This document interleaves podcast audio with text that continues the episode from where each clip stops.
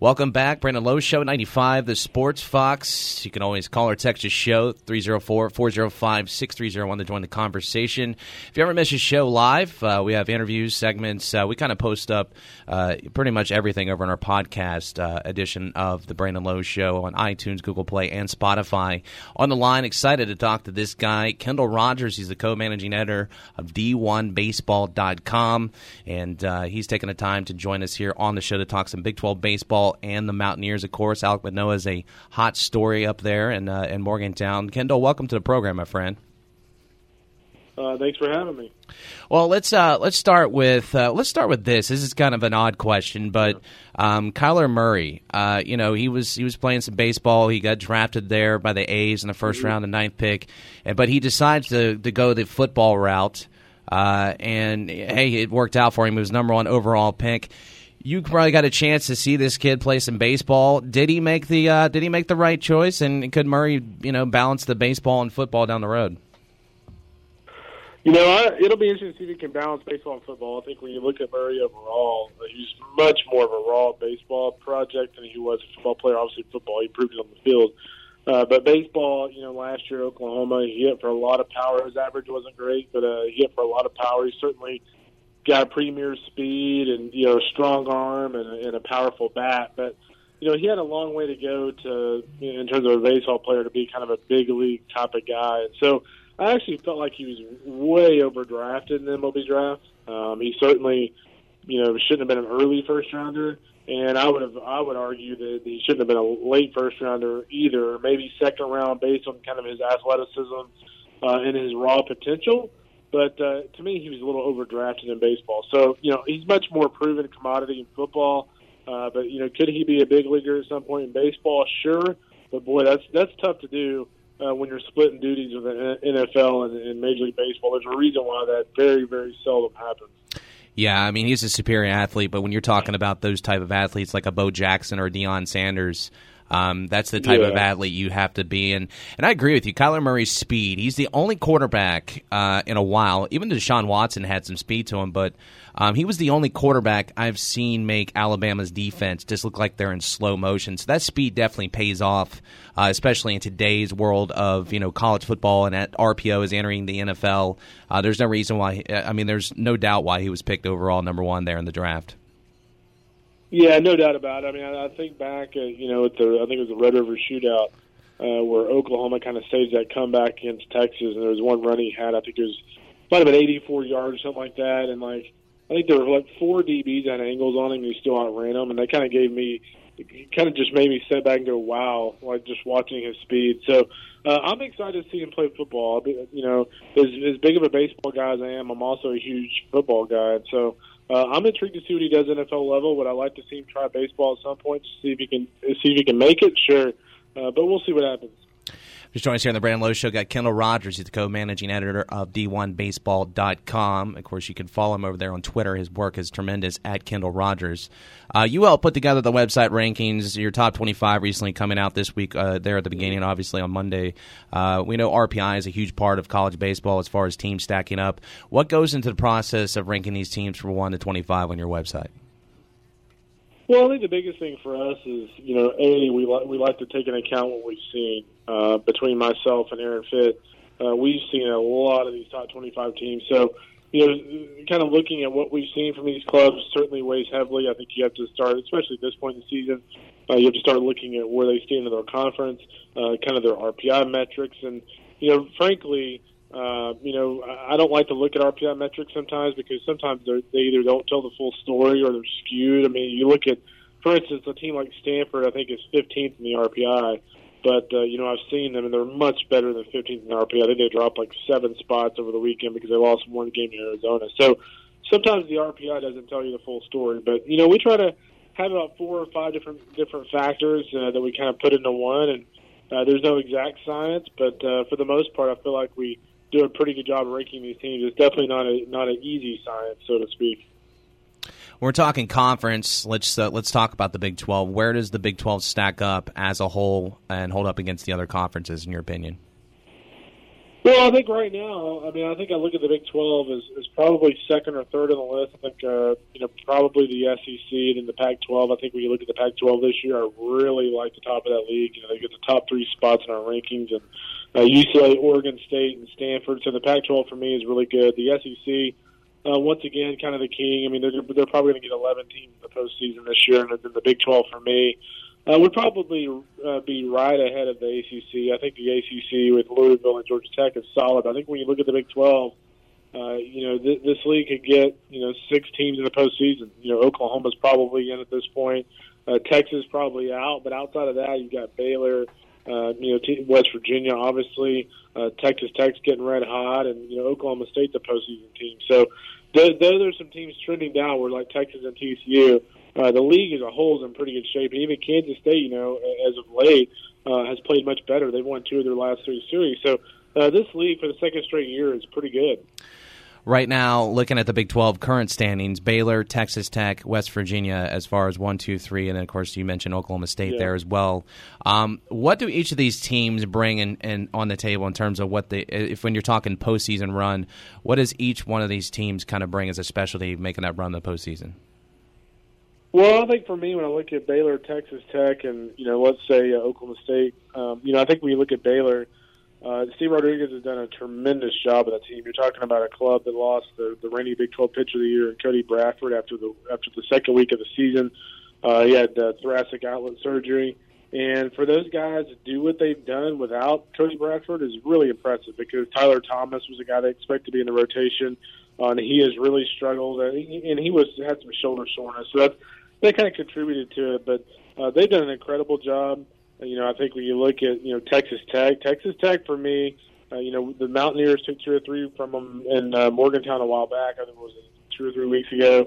Uh, but boy, I tell you what, they started to play really well the last two weeks. I don't know if that series against WVU made them mad or what, but they're starting to finally play like the team we thought they would be when we had them top five in the preseason.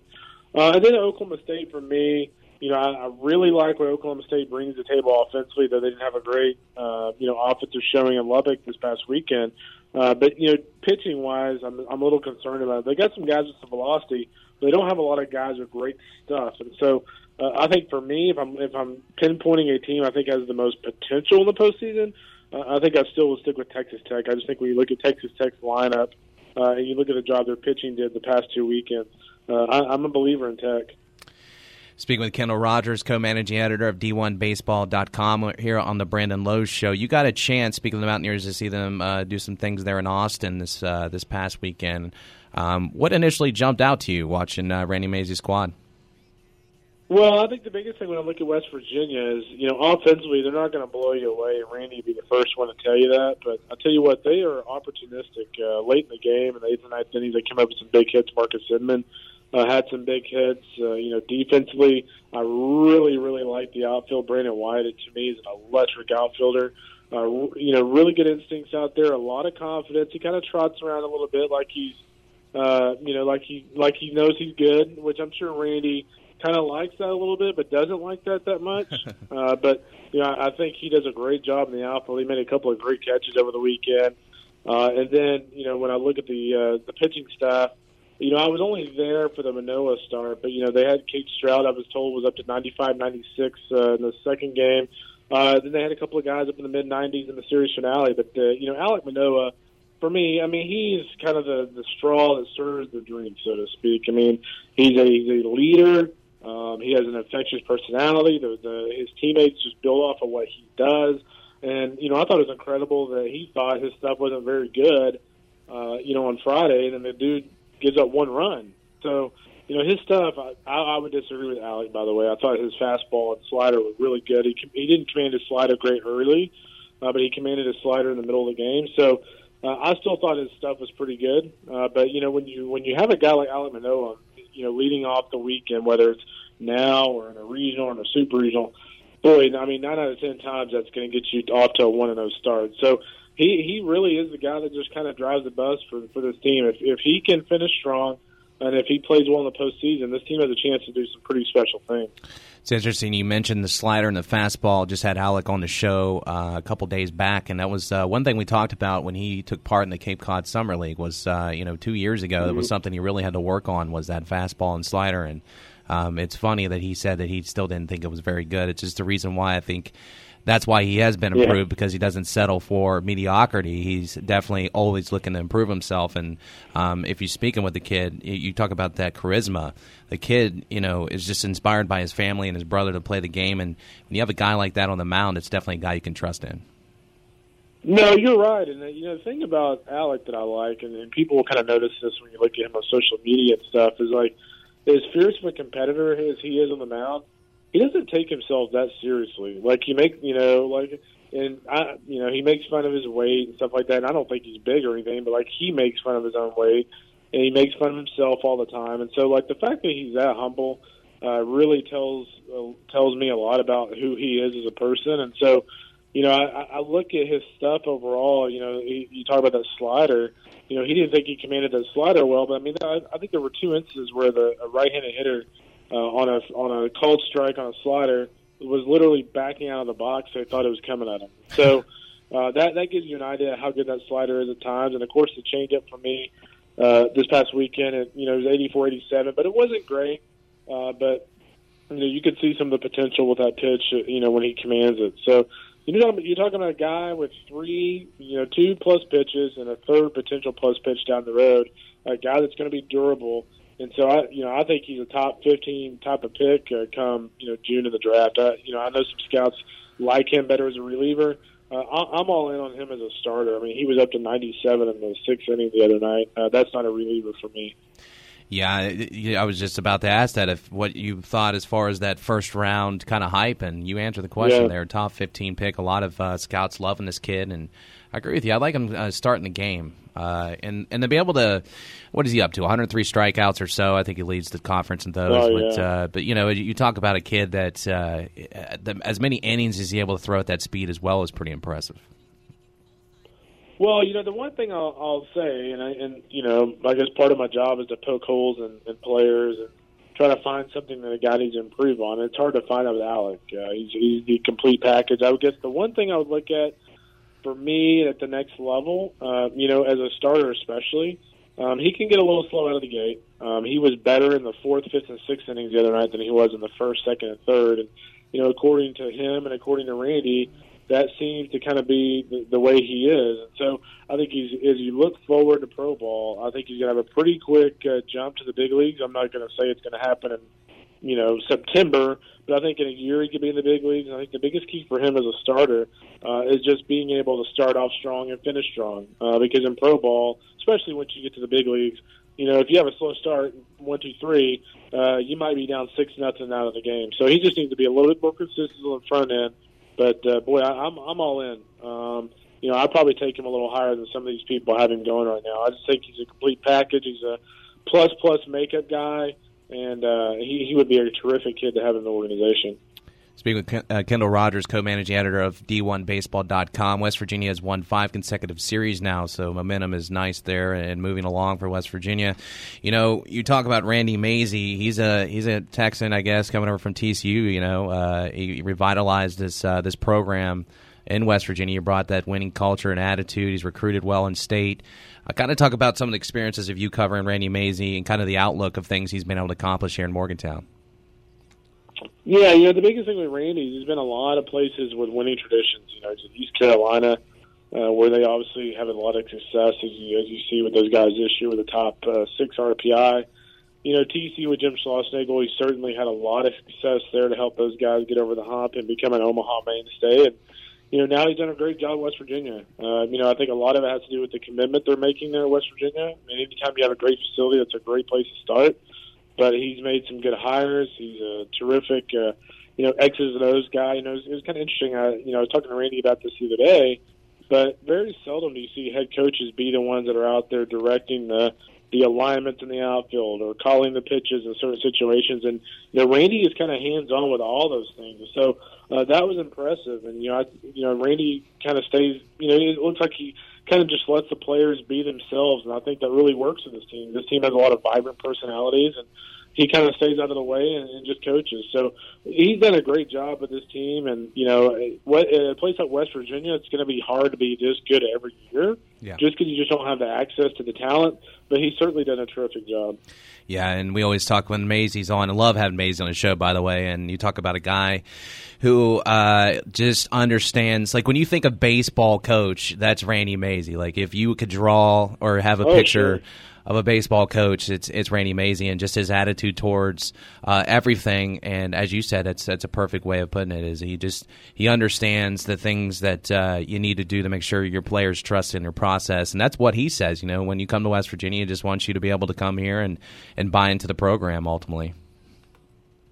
Yeah, exactly. So you know, he, he's done a great job every step of the, of the of the road in his career, and so uh, I'm excited for him. You know, you look at the job this team has done this year, and you look at what this uh, program's accomplished. It's, it's always neat in college baseball. You have the potential for these programs uh, to, you know, come out of the woodwork and uh, become mainstays in the postseason. And you know, now they've taken the next step, and you know, we'll also see if they can host a regional. The one thing Randy mentioned was, you know, a couple of years ago uh, they were in the mix for a regional host, and he said, they, "Boy, we just played bad down the stretch." He said the one thing with this team is he just doesn't want them to go through that same thing, and I, and I don't think they will. I think this team is pretty grounded. Yeah, about 2016 they reached the regional round. Of course, didn't host, but uh, yeah, that's a few years back. They were able to do some things, and it was still a nice season there for the Mountaineers. Anytime you get the regionals there, but it'd be good to host. And Alek Manoah, of course, said that not going to settle for just regional. We get to super regionals as well. So definitely uh, some some high end goals there for the Mountaineers. Lastly, here, uh, Kendall, let's uh, let's talk about that as far as these goals and how the Big Twelve tournament may play out. Uh, you know, TCU as a program came in the conference uh, with West Virginia, and they and they got one in 2014, and uh, West Virginia is still looking for their first tournament championship. Where do you kind of potentially see this Big Twelve tournament kind of playing out, and could this be a year the Mountaineers win their first tournament? Yeah, it could be. You know, the, the biggest thing when I look at the Big 12 tournament or I look at any conference tournament is like who need a who needs it the most, and b kind of who has the pitching depth. And so uh, there's going to be some teams that will probably make this tournament that really need to do something in, in Oklahoma City. You look at TCU and Texas will certainly need to have big showings in Oklahoma City, and certainly with, with WVU, uh, they're looking for a regional host. So and then Texas Tech looking for a national seed. So we'll see what happens. It's really, really hard to predict conference tournaments, uh, but uh, there's, you know, I think it's gonna be wide open. You know, you look at those two local schools in Oklahoma, Oklahoma State. Uh, you can't forget about them either. So it, I would say it's wide open. We'll see what happens. Very cool stuff. Appreciate you taking the time. He is Kendall Rogers, co-managing editor of D1 Baseball. Dot com Twitter handle at Kendall Rogers. Make sure to follow him there on Twitter